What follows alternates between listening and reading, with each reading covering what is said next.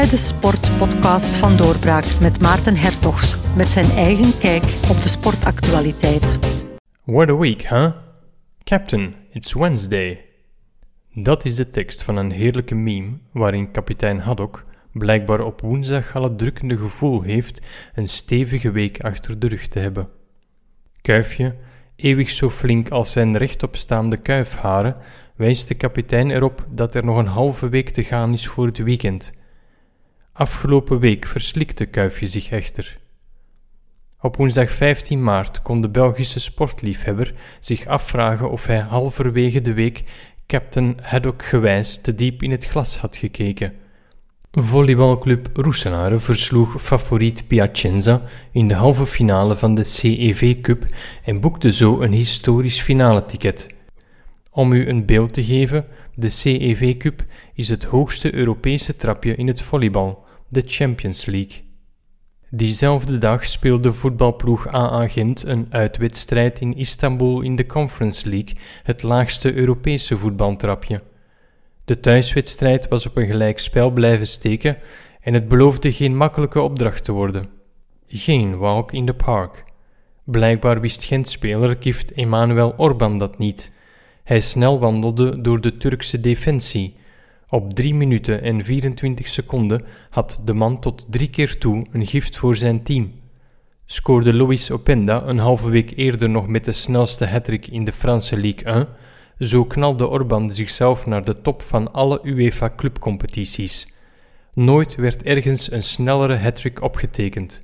Gevolg: Başakşehir hier Istanbul uitgeteld en Gent geplaatst voor de kwartfinale.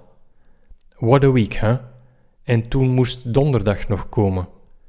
Op 16 maart speelde Anderlecht ook in de Conference League op Villarreal. Ook die heenwedstrijd was in eigen huis een 1-1. Niet slecht tegen Villarreal, dat vorig jaar nog de halve finale van de Champions League speelde, maar weinig hoopgevend richting kwalificatie. Ook al omdat Anderlecht geen Gift Orban in de rangen heeft. Dus schitterde in deze match niet de spits, maar wel de keeper. Als een keeper kan schitteren, dan staat de ploeg zwaar onder druk. Heel Anderlecht plooide, behalve de laatste man. Bart Verbrugge hield zijn nette proper. Eén flitsje van Anderlecht was vervolgens genoeg om Villarreal de wacht aan te zeggen. Anderlecht geplaatst voor de kwartfinale van de Conference League. Een trapje hoger, in de Europa League, speelde ook Union. Tegen Union Berlijn was de heenwedstrijd wederom een gelijkspel, maar wel in Berlijn.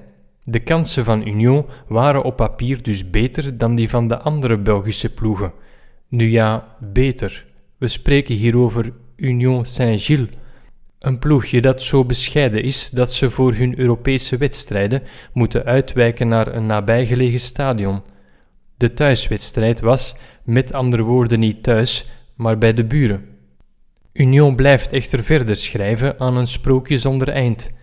Niet alleen maakt het sinds zijn promotie naar eerste klasse voor het tweede jaar op rij serieuze kans om landskampioen te worden, maar ook Europees blijft het verbazen. Dat mocht de naamgenoot uit Berlijn ondervinden. Met een droge 3-0 werden de Berliners van de mat geveegd. Union mag verder dromen van een landstitel en van de halve finale in de Europa League. Waarom niet? Gewoon volgende maand even Bayer Leverkusen passeren.